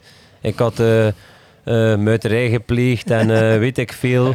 Uiteindelijk, als ik weet dat dat toen van, van 60, eh 60, 15 naar 61, 15 was. Als je dan weet dat ze nu al op bepaalde kampioenschappen 63, 14 getrapt hebben, ja, dan denk ik wel, ik kon- dat ik eh, alles, Braaf. ja, alles behalve eh, slechter aan deed, maar het was gewoon nog veel te weinig. Dus eh, ja, het is, eh, het is echt wel belangrijk dat we een, eh, een, een nieuwe wind gekregen hebben. En hetgeen dat Tim Kaars wel aan, aan ervaring gebracht heeft en aan echt wel eh, inzichten is, eh, is van onschatbare waarde. En eh, ik hoop dat we, dat, dat we nu verder op, die, op dat elan kunnen gaan. En ja, dat we ook echt een, een wereldland worden op de piste. Ja. Ehm, er komt een piste bij in, in Zolder. Ja. Eh, wat volgens mij eh, een enorme boost gaat geven aan... eh, Ja, volgens mij gaat uw vijver gewoon groter worden, waaruit je gaat kunnen... kunnen... Ja, verdubbelen, hè, graag. Ja. Ja. Ehm, we liggen hier heel gecentraliseerd in Gent. Ehm, het is dan ook geen, geen wonder dat er heel veel van de pistes allemaal vanuit de buurt hier komen. Ja. Ehm, het zijn er maar weinig die eh, heel vaak en, en jaren aan een stuk de oversteek maken van eh, de kanten van Limburg of zo. Eh, je hebt dan wel Robbe Gijs, die, die ondertussen wel al lang in Gent woont. Dus uiteindelijk ja, Ja. Ehm, is dat zeker niet logisch. Dus ik hoop inderdaad dat die, die piste die er nu eindelijk komt, dat dat echt wel ehm, aan een hele grote groep jongeren kansen gaat geven om, om de discipline te leren kennen. En hopelijk komt er daar ook... hey, het is, het is, dat is een, een feit dat zeker is. Daar gaat sowieso ook talent uit voortkomen Ja. die we, die we anders zouden missen. En eh, die nu al de kans krijgt om zich te ontplooien op de piste ook. Ja. Ja, bij ons was het... eh, Ja, wij moesten van, van achter Brussel komen. Ja, dat, dat, dat was, dat was altijd, altijd eh, miserie eigenlijk. Ja, dat was een, een hele dag van huis om een paar uur te komen trainen. Ja, inderdaad. Ehm, dus, en ik, ik ja, denk, moesten wij een piste in Zolder hebben gehad, dat, dat wij dat ook gewoon meer zouden doen. En bij ons was het ook nog zo dat eh, bij de junioren waren er ook nog Beker van België's op de piste die meetelden voor de Beker van België. Wat maakt wel dat ik als junior, ja, ik reed twee pistemeetings en eh, ik denk het Belgisch kampioenschap cyclocross ook mee. Gewoon voor, voor het klassement van Beker van België eh, een beetje punten te pakken. Ja, ja, ik weet niet of dat... Ik denk dat dat nog altijd... Of tot, tot voor kort dat dat nog altijd bestond. Ja. Maar ik denk dat er amper nog ploegen kwamen meedoen. Ah, ja, oké. Ehm, je hebt een paar jeugdploegen. ehm, ik zie dikwijls hier eh, eh, van Isorex eh, Ja. is er altijd heel veel jeugd aanwezig. En ik denk ook van Avia zijn er heel veel renners. Ehm, dus er zijn nog wel een bepaalde ploegen die er nog wel wat in zien. En ik hoop dat dat alleen maar gaat vermeerderen. Dat dat eh, duidelijk gaat worden. Dat het gewoon echt eh, een beetje universiteit van het wielrennen is. Ja, Al de dingen die je hier kunt leren, kun je allemaal meepakken op de weg. En je ziet gewoon, ja, eh, goede pistiers zijn bijna altijd goede wegcoureurs ook. Ja. Ehm, we, we hebben ooit eens een beker van België met pistefietsen gehad eh, in Elewaard. Ik weet niet of je ooit in Elewaard hebt gekoerst. Ja, maar, Dat was, dat was redelijk gevaarlijk. Ja. beton, ja. allee, beton. asfalt. Ook beton. Eh, maar ja, ze gaan nu ook weg. Ze gaan verdwijnen zeker. De Ze is al weg, denk Ze is al weg, ja. Ah, kijk. Ehm, nu, maar dat, was, dat was misschien ook niet zo'n goed idee eh, toen. moment. Maar dat was wel... ehm, ik denk dat 80% van het peloton gewoon ook een fiets huurde. Dus je moest, je moest gewoon op tijd bij de bond je maat doorgeven. Eh, want iedereen huurde eigenlijk gewoon een fiets. En dat, dat had wel iets om dat als, als, allee, als jeugdrenner of zo dat, dat mee te doen. eh. Ja, ja, absoluut. Ehm, ik denk gewoon, oké, die, beton, die buitenbanen op beton of asfalt zijn misschien niet ideaal om, ehm, om het echt eh, te zien als dit is de goede basis om een goede pistier te worden. Maar ik denk dat het wel belangrijk is dat, dat dan ouders met hun kinderen daar naartoe kunnen komen, wedstrijdjes laten rijden. Eh, het is gewoon veilig. Er, ze kunnen ook om veil- veilige omstandigheden trainen. Ja, ik, Oké, ging, ja, ik ging daar fietsen s'avonds Ja, ja. om verlicht te kunnen Ja, fietsen. voilà, voilà. Dus ik denk dat dat gewoon heel goede, goede opties zijn om, eh, om te gebruiken. Deze de dag van vandaag is het gewoon echt super gevaarlijk op de weg. En, eh, ik heb zelf eh, drie kinderen ondertussen. Moest er een van hun zeggen van ik wil beginnen koersen. Ik weet niet of dat ik altijd zo op mijn gemak ga zijn als ze s'avonds de baan opgaan of zelf overdag. Dan zou ik heel blij zijn moesten ze ergens op een gesloten circuit kunnen fietsen. Dus ehm, ja, op zich is dat wel echt eh, ehm, op, op dat vlak een, eh, een goede aanwinst. Maar ja, om er echt wedstrijden op te doen met een pistefiets is misschien niet ideaal inderdaad. Nee. Ehm, ja, een nadeel wel van de piste, als je hier valt, dat zijn lelijke brandwondes. En ze moeten... Goh ja, het zijn maar brandwondes. Ja. Ehm, de meeste valpartijen zijn echt heel onschuldig. In het slechtste geval wordt al een keer ja, een sleutelbeentje of zo eh, gebroken, maar dat is echt wel Ehm, volgens mij veel veiliger dan hetgeen op de, op de weg. Hè. Op de weg hebben we in wedstrijden auto's, paaltjes, het verkeersmeubilair dat we de, de, de dagen, eh, de, heden ten dagen moeten, moeten Ja. overwinnen in, in wegwedstrijden is echt, eh, is echt gek. En ehm, ja, op de piste weet je gewoon perfect dat er, eh, dat er nooit ineens een paal voor je neus gaat staan of zo. Hè. Het enige is natuurlijk, ja, als er een valpartij is, je kunt niet remmen, wat dat ook goed is, want anders zou er ook slechte dingen kunnen gebeuren. Maar eh, je moet leren sturen. Hè. En dat is uiteindelijk hetgeen dat je dan volgens mij wel ziet. Het verschil met een, eh, een pistier die dan op de weg gaat, die gaan ook niet altijd direct een remmen gaan toeslaan, maar die gaan gewoon een uitweg zoeken en die ook vinden. Ja. Nee, ja, klopt. De, de eerste keer als ik op de piste rijd en er was een valpartij, je, je houdt je benen stil en dan gaat je zelf over kop. Allee, dan, dan voelde je je achterkant al, dus dan word je eigenlijk gedwongen inderdaad om, om een, een andere oplossing eh, te zoeken. Nu, ja, die, ik heb zo wel eens de splinters en zo eruit moeten, moeten laten halen. Was, was niet aangenaam, maar inderdaad, allee, als ik tegen die snelheid op de asfalt was gevallen, had het waarschijnlijk nog wel wat erger eh, geweest. eh. Ja, inderdaad, inderdaad. ja, Ehm, je zegt, je hebt drie kinderen. Ehm, je bent een keer vader geworden op de trein. Ja, ja eigenlijk niet, op de spoed. Ja. of, Of op, op intensive care eigenlijk, ja. Ja, met mijn eerste, mijn eerste dochter, de oudste, die, als zij geboren was, eh, vlak voordat eh, mijn, eh, mijn ex-vrouw haar water gebroken was, was ik gevallen in koers. En had ik een nekbreuk opgelopen, we moesten overnachten in het ziekenhuis en zo. En dat was in Duitsland. ja, in Duitsland. En tijdens heel die episode is, is mijn, mijn dochter dan geboren, dus dat heb ik allemaal gemist. Ja. Ja, ik hoorde dat verhaal eh, via het peloton binnenkomen dat jij uit de kliniek gevlucht bent en op de trein gesprongen bent. Wat, wat, wat, wat was dat Ja. al? Ehm, ik was enorm aan het sukkelen met de repatriëring, dus we zijn er allemaal voor verzekerd. Maar ehm, dat verliep allemaal niet vlot en al zeker niet vlot genoeg als je weet dat, dat elk moment je, eh, eerste kind kan geboren worden. En ehm, op een gegeven moment ja, was, was, was ondertussen al geboren, had ik het nieuws al gekregen. En ja, ik had het daar ook gewoon gehad. En ik heb me daar eh, een beetje erop gestaan dat ik een ontslagbrief kreeg. Ik heb die daar ook gekregen. En dan eh, heb ik een tram moeten pakken richting het station. Het station een ticket gekocht naar Gent. Ik ging 12 uur onderweg zijn. Dat was echt verschrikkelijk. Maar ik ben maar tot in eh, Aken geraakt. Ik had nog één klein mini-streepje batterij op mijn gsm. Daarmee heb ik een bericht gestuurd naar mijn kameraad. Van, spring nu in mijn auto, rij naar Aken, naar het station en kom mij halen. En tijdens dat ik het zag versturen, is het uitgevallen. Dus dat was dan echt wel ehm, denken van, oei, gaat dat nu aangekomen zijn? Of, eh, en dan ja, ik heb me daar, het was goed weer, ik heb daar buiten op het terras gezet. Met mijn nekkraag, met een trolley, met een rugzak. Dat was eigenlijk echt, dat was onverantwoord wat ik daar aan het doen was. Hadden dat kleed nog aan dat ze zo aan Nee, nee, nee, ik was wel al normaal gekleed ondertussen, ja. En eh, ineens, ja, twee uur en een half later zag ik mijn eigen auto opdraaien op het plein en dan was ik echt super gelukkig, ja. Maar als u hadden afgevoerd, u, de ambulance... Is ook nog een keer verongelukt. Het is ook... Is ook Ja. eh, Klopt. Hoe was dat? Ja, dat was eigenlijk echt... Het was al aan het regenen. En ehm, ja, met, volle sirenes reden wij richting eh, het ziekenhuis. En ineens, ja, we zijn op het parcours nog altijd. En er moet ergens een auto uit een zijstraat gekomen zijn. Die niet echt eh, de ambulance eh, wou voorlaten, denk ik. Ehm, en ja, we begonnen te slippen langs alle kanten. En ik had al in de mot dat het niet juist was. En ineens, ja, reden we vol een bak op die een andere auto. En ik weet nog dat de verpleger die stond aan, eh, aan mijn voeten. ehm, aan de, aan de ja, laadklep, zeg maar. Ja. En die is gewoon over mijn, over mijn hoofd tegen, de, tegen het vlak eh, gebotst. Die mens was ook helemaal, helemaal choco. Eh, we moeten wachten op een nieuwe ambulance, want de onze was kapot.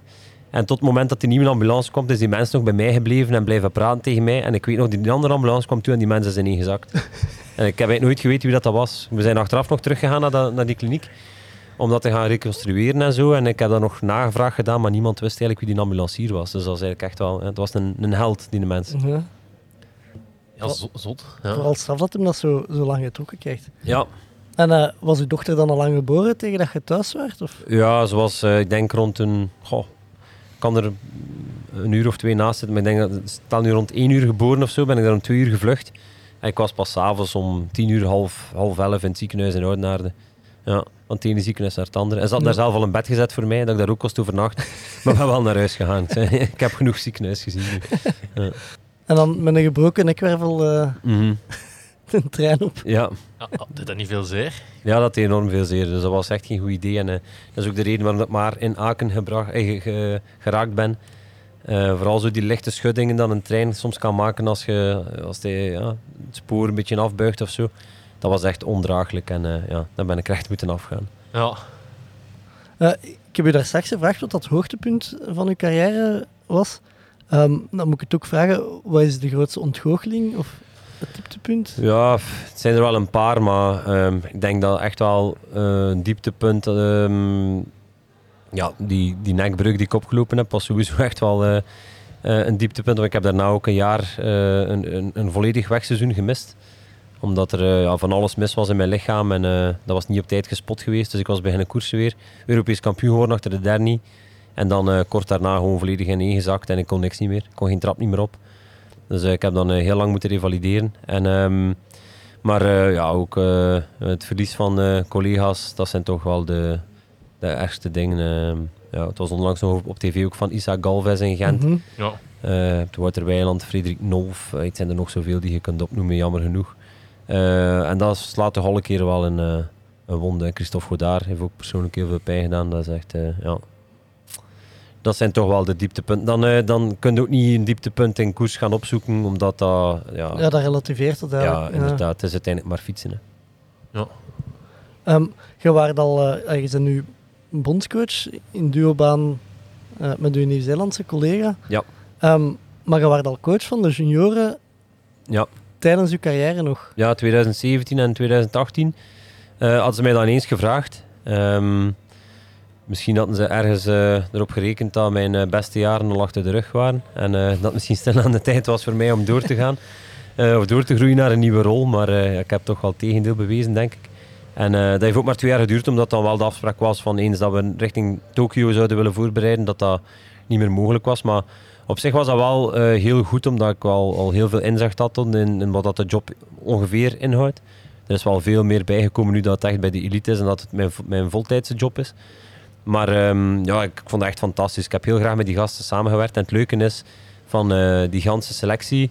eh, op het eerste WK dat ik gedaan heb als juniorcoach had ik eh, vier jongens mee. En daarvan zitten er nog altijd drie in onze selectie. En dan één meisje, Shari, en die is er ook nog altijd bij. Dus eh, dat is wel de max dat die allemaal doorgegroeid zijn en dat die nog altijd eh, in mijn selectie zitten. En met de meeste van hun heb ik ook al gekoerst ondertussen, ploegkoers Ah, gereden en zo. Ja. Ja, was het moeilijk om dan ehm, echt te stoppen en coach te worden van hun? Allee, je gaat ineens van op de piste naar ernaast. Is, is dat... Gewoon, op zich viel het misschien allemaal wel mee. Zeker ook dan, eh, ik denk dat eh, de renners er wel allemaal wel klaar voor waren om, eh, om, om, om zoiets te, om door te maken. Ja. Ehm, dat het echt wel tijd was om, eh, om ergens een wissel te doen, om een keer een nieuwe wind en alles een beetje op te frissen. En ehm, ja, we hadden echt wel allemaal nood aan, aan iets nieuws. En ehm, ja, het feit dat, dat ik iedereen al kende, was wel een groot voordeel. Ehm, soms zijn er natuurlijk wel momenten dat dat misschien niet ideaal is, hè, als je wel minder goed nieuws moet brengen of zo. Maar ik steek me daar dan ook niet, eh, niet achterweg. Ik probeer echt zoveel mogelijk open te communiceren. En dat dat gewoon het belangrijkste of de, de, grootste verandering is die, die we brengen. Dat er echt gewoon veel gepraat wordt, dat ze ook met alles terecht kunnen. Eh, ik ben ook heel, heel bereikbaar, ik ben hier heel veel. Dus ehm, ik denk dat dat wel belangrijk is voor hun, dat ze weten dat ze in vertrouwen of, of, of gewoon eh, als het een keer moet botsen, mag dat ook. Dat is geen probleem. Dus ehm, ik denk dat dat wel eh, een voordeel is. Ik denk dat de, de brug van renner naar coach dat die niet zo ver is. Ja. ja en Niki Kokuit heeft nu functie als junior coach. Ja, sinds dat ik dan gestopt ben in 2018, van, sinds dan is eh Nicky al de junior coach. Ja. Ah ja, oké. Ja, ik heb, ik heb in het Kuipje nog met een eh, spandoek Kokuit is schot eh, g- gaan supporteren. Dus eh, ja, ik ook met hem in de ploeg rijden. Dus, eh, Ja. eh, ja, super, super toffe gast ook, eh de Niki. Hoe ziet uw duobaan met het team eruit? Wie neemt voor zijn rekening? Of, Ehm, Tim is op papier hoofdcoach en dat is, dat is hem effectief. Maar hier op de, op de werkvloer is dat eigenlijk niet echt te merken. We werken echt gewoon naast elkaar en we doen alles om elkaar te, te steunen. Ik assisteer in zijn sessies, hij bij mij. Dus eh, hij, hij probeert mij ook zoveel mogelijk op te leiden. Hij heeft eh, het, het gevoel dat er nog twee Olympiades in hem zitten als coach. En daarna zou hij willen afronden. Maar daarna zou hij ook willen dat ik op zich alles weet wat hij weet. En eh, dat ik eh, hetgeen dat hij ehm, vooral doet, dat ik dat kan verder zetten. Dus Tim is vooral met de ploegachtervolging bezig. Daarnaast doet hij ook, eh, heeft hij een sprintproject opgestart. En is hij voltijds bezig met Niki de Grendelen. En ik doe dan daarnaast alle pelotononderdelen. Dus alles omnium, ploegkoers, puntenkoers. Alles van die onderdelen zijn allemaal voor mij. Dus ja, op competities is natuurlijk het meeste werk voor mij, omdat dat heel veel onderdelen zijn. Maar eh, nogmaals, dan staat hij ook gewoon naast mij. Staat hij altijd eh, klaar om, eh, om bij te springen. En ja, het is echt de max van, van een samenwerking. Het belangrijkste aan heel het verhaal is gewoon dat er, dat er geen ego-strijd is. In, in het wielrennen zie je gewoon overal, in alle functies, alle man zit met zijn ellebogen te proberen werken en, en te proberen om zijn postje te bewaren. Terwijl als je doet wat je moet doen en je, en je, je doet, ja, hè? je Ja. doet het met passie en op de juiste manier, moet je geen schrik hebben. En dat is hier wel heel voelbaar, dat we elkaar heel appreciëren, dat we niet proberen eh, aan elkaars brood te zitten of zo. Dat we gewoon elk, elk doet zijn ding en, en we doen het heel veel samen.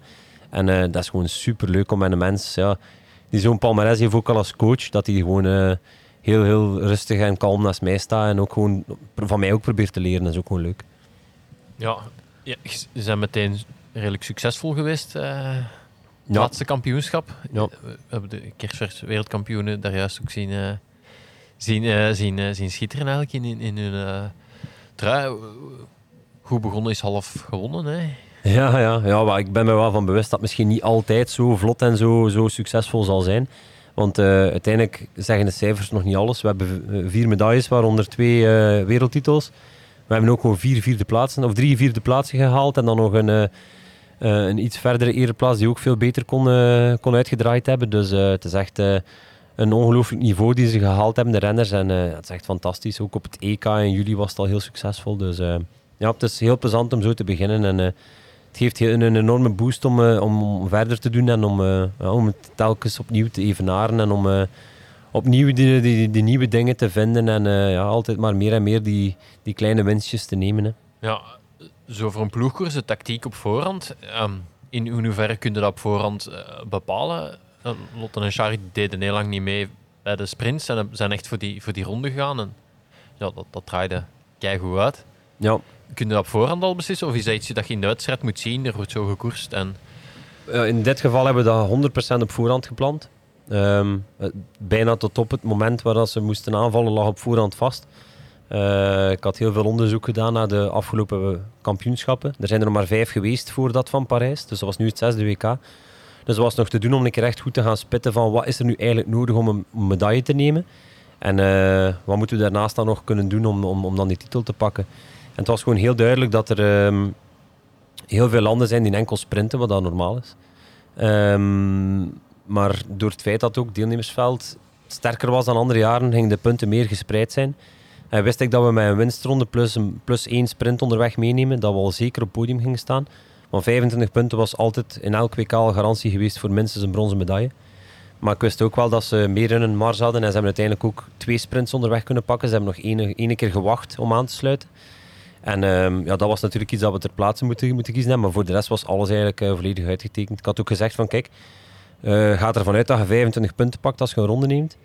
Dus eh, op, het moment dat ze, dat, en het moment dat ze gingen, mochten er, ze mochten altijd wachten zolang dat er een ploeg nog geen 25 punten had. Moment dat Lot uiteindelijk gaat, ehm, stond Frankrijk ook op met 23 punten. Dus het was gewoon allemaal, ja. Eh, in dit geval was dat, was dat echt wel vooraf planbaar. Ook met het rennersmateriaal dat je hebt. Hè. Dat zijn twee wereldtoppers, dus ze moeten het ook kunnen. Hè. Eh, bij de mannen is dan bijvoorbeeld al veel moeilijker. Daar zijn er veel meer scenario's eh, mogelijk. Is een rondewinst meestal ook niet genoeg. Dus eh, ja, dat is, de, is dan een heel andere tactiek. Die mannen hebben misschien ook net meer ervaring al. Ze hebben meer zesdaagses gereden, ze hebben meer kampioenschappen gereden samen of, of, of, eh, of met andere partners. Dus ehm, die, die hebben misschien minder, minder voorkouwen nodig. En Ja. eh, eh, ik denk dat Lot en Shari daar ook zeker naartoe kunnen groeien. Maar nu was het gewoon echt een goed moment om... ik had er heel veel vertrouwen in dat we dat konden. En kijk, Ja. ja. gevolgen van die. Ja, je kunt een goede plan hebben, maar ze moeten het, ze moeten het ook... Allee, Ja. u, u zodanig vertrouwen dat ze, dat ze doen. Want in, als je goede benen hebt, Ja. om in het begin dan zo... Ja, Ja, maar het plan was al, eh, was al meer dan twee weken uit. Dus eh, ja, ik was al redelijk doorpraat. eh vooral met Lot had ik er al heel veel over geklapt.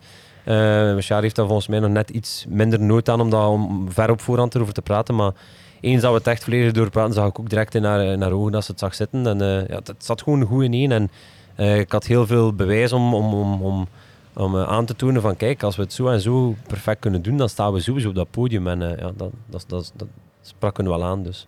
Ja. Ja. Eh, iets anders. Klopt het dat je vegetariër bent geworden na het zien van de documentaire Game Changer? Goh, dat klopt, half en half. Ehm, dat was wel de laatste aanleiding die mij doen beslissen heeft om, eh, om, om, ja, om anders te gaan leven. Maar ehm, wij deden thuis al heel veel vegetarische avond. We hadden al heel veel dieren thuis. We praten veel over dierenleed. Allee, dat is, eh, eh, het het was veel meer dan alleen maar dat. Maar uiteindelijk zag ik dan die documentaire. En inderdaad, ja, dat was wel bij mij van... Oké, ja, het is nu wel het moment om dan te beginnen. Maar ik was me ook al van bewust dat dat Netflix was. Dat dat een. Amerikaanse eh, hype-toestand was. Ik denk dat het zelf dezelfde maker was van Titanic, zeker. Was dat niet van eh, ja, dat weet ik niet. James Cameron? Ik denk dat dezelfde regisseur ook eh, de Titanic eh, ge- geregisseerd heeft. Dus ik wist...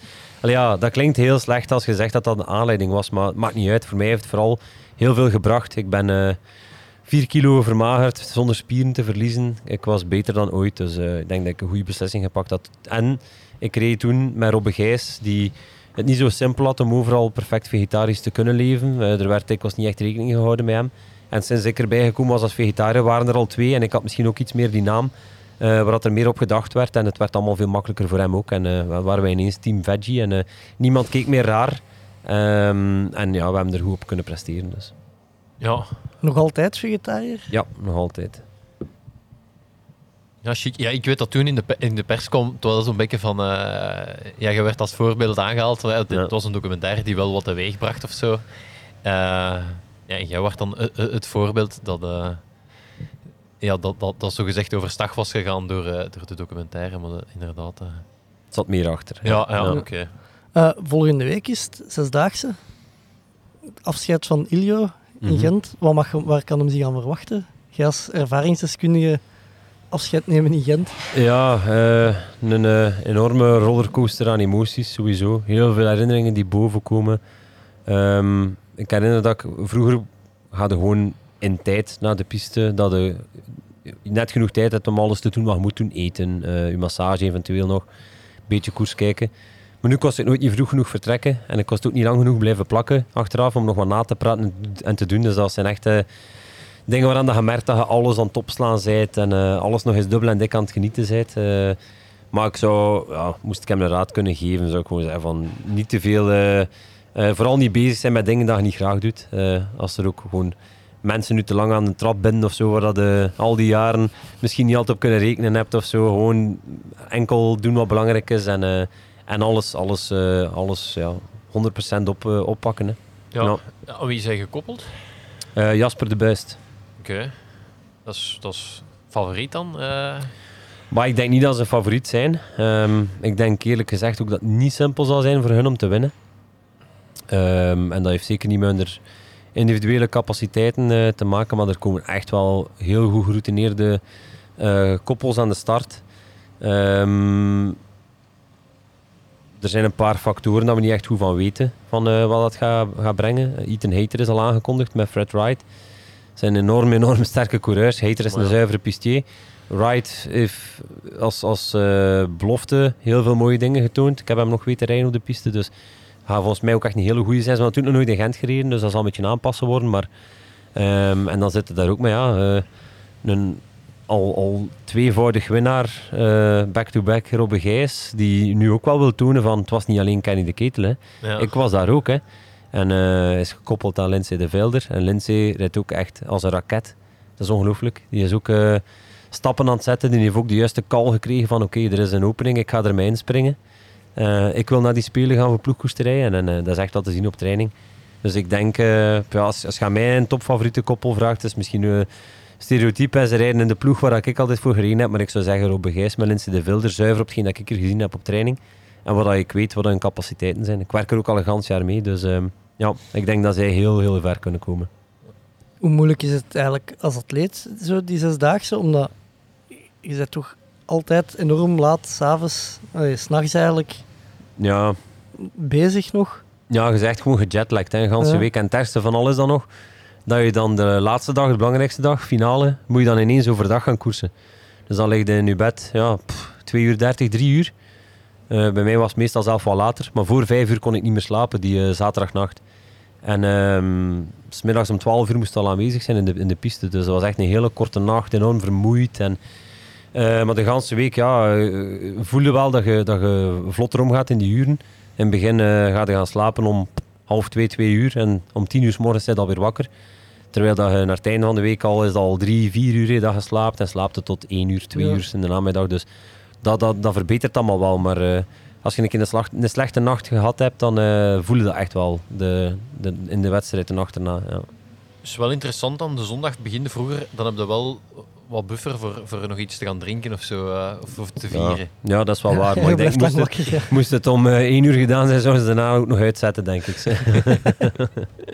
Ja, ik zag hier juist nog, nog een ex-ploegmaat eh, van mijn rijden, Stan Steels. Eh ga ook meedoen in de, in de Zaagse, denk ik. Ja. Wat volgens mij gewoon een uitvlucht is om niet in de beachrace van de pannen te moeten starten. Want daar eh stond vorig jaar aan de start. Ik heb nog eens geweten, dat, dat was niet echt zijn ding. Dus ik ben blij om hem terug op de piste te zien. eh. ja, Stijn was als, eh, als junior al een goed pisteetje. En eh, Ja. hij heeft dat altijd graag blijven doen. En heeft al een paar keer de zesdaagse meegereden. Dus ik denk dat hij wel een graag geziene klant is. En ik denk dat zijn toekomst voor het moment ook nog een beetje onzeker is. Ik ben blij dat hij een leuke afleiding heeft. Ik hoop dat er nog ploegen zijn die dat eventueel interesse hebben en hem kunnen oppikken. Want ik denk niet dat zijn verhaal al geschreven is. Maar het is wel leuk dat hij echt wel nog de zesdaagse kan meepikken. Ja. Hoe- Hoe moeilijk is het voor, voor een prof die even niet meer op de piste heeft gereden om er terug eh eh, zesdaagse te gaan rijden? Want ja, je ziet, ik weet, Terpstra en zo, die, die, die doet het ook vaak. Eh, is, dat, is dat iets van, je zet er snel terug mee weg of, of blijf je dat wel merken? Goh, ja, ik denk dat je dat in een andere podcast aan een wegrenner gaat moeten vragen. Want ik ben natuurlijk al pistier geweest. Maar je ziet vooral dat die pistetred dat, die, dat dat wel eh, een paar trainingen nodig heeft om terug te komen. Maar dat komt wel snel. Dus als ze hier een week, twee weken meetrainen, dan eh, ik kan niet zeggen dat, dat dat je geen verschil meer ziet met de zuivere pistiers. Maar ehm, dan eh, leunen ze al heel snel terug aan, te- aan hun niveau die ze vroeger eigenlijk altijd gehaald hebben. Ja, Goed. Eh, voor de rest nog vragen, Seppe? Voor Kenny? nee, ik denk het niet. Ik heb, ik heb wel, als ik hier ben, ik heb wel terug zin om, eh, om nog eens, eh, het nog eens te doen. Het is ook al, het is ook al wat even geleden bij mij, dus eh, ja. Nog dingen die je kwijt wilt aan de luisteraars? Ehm, De- Mm, nee, niet specifiek. de, de mensen of de, de jeugd die interesse heeft in, in de piste? Ja, nee, ja. eh, vooral gewoon proberen. Hè. Ehm, het is eh, eh, het enige nadeel dat je hebt op de piste, is volgens mij een van de ehm, grote hindernissen die soms jeugd weghoudt, is dat het heel confronterend is. Iedereen ziet hoe goed dat je bent, of iedereen ziet hoe slecht dat je bent. Je kunt er geen koers komen rijden en achteraf eh 700 verhalen uithalen van ik heb achter een valpartij gestaan en Ja, ja, ik, eh, ik zat ingesloten. Iedereen heeft het gezien. En ehm, het is eh, op, op dat vlak heel confronterend en dat houdt soms wel heel meetbaar. En dat houdt volgens mij wel sommige renners weg die, die het misschien te weinig voor, voor hun eigen en om goed te, te worden doen, maar meer voor ja, eh, het aanzien en die, die, die niet graag gezichtsverlies verleiden en, eh, willen, willen, willen leiden. En dat is iets dat je op de piste misschien wel een keer kunt tegenkomen. Hè. Ja, ik heb hier ooit eh Wiggins en Cavendish op 40 ronden of zo gereden. Ja, ja. Dus... Ja, maar die kwamen van vakantie toen, hè, dus dat telde eigenlijk niet echt. Nee, nee, maar oké. Waren die toen ook niet regerend Ja, die wereldkampioen? waren Ja, ja. ja. Dus al, eh, Want het was niet Wiggins, het was Hales. Ah, Hales ja. met Cavendish. oké. Ja. Ja, straf. Ja. Het, blijft, het blijft mij wel, wel bij. En ja, iedereen nog ook iets aanraden om eens te gaan zien bij de Zesdaagse. Wat mij altijd opviel als je zo'n Zesdaagse ziet, is dat je... eh, Ja, hoe diep dat, eh, dat de renners gaan in, eh, in de ploegkoers. En dan zeker de renner die niet aan het koersen is, die dan redelijk traag voorbij rijdt. Ja, je hoort, ey, je- dat is echt Mhm. naar lucht happen zo. En, en Ja, ja, absoluut. super Ja. diep gaan. Dus is echt eh, topsport van de bovenste plank. En, eh, ehm, ja, wij, wij vechten eigenlijk al jaren eh, tegen eh, de credibiliteit van de Zesdaagse. Omdat er natuurlijk iedereen denkt dat de, de winnaar al bekend is, alles afgesproken is. Maar ehm, ik denk dat de manier waarop dat wij de laatste jaren al gekoerst hebben en eh, de rivaliteiten die er geweest zijn, onder andere tussen Emilio en ik. wij zouden elkaar nooit een zesdaagse overwinning geschonken hebben of gegund hebben. Dus ik denk dat dat wel in het voordeel spreekt van, van, van de wedstrijd. Het is echt gewoon topsport. En ja, ik zou zeker een keer gaan kijken. Ja. Eh, Kenny, dikke merci voor je tijd. Graag gedaan. Seppe, merci om mee af te zakken tot in Gent. Veel plezier. Deze was het voor mij voor deze week. Tot volgende week. Willen ze nu of willen ze niet? Doen we het of doen we het niet? Tommeke, Tommeke, Tommeke, wat doe je nu? Tom Bonne gaat wereldkampioen worden. Hij rijdt 5 per uur. Te snel voor ons. Fred gaat. En nog Fred. Doe op de brug. Jeff doen is iets. Jeff. Wat is er mis met Dumoulin? Hollands poepen. Hij heeft diarree. Don't stand on my dog or I cut your head off. Daar is hem, daar is hem.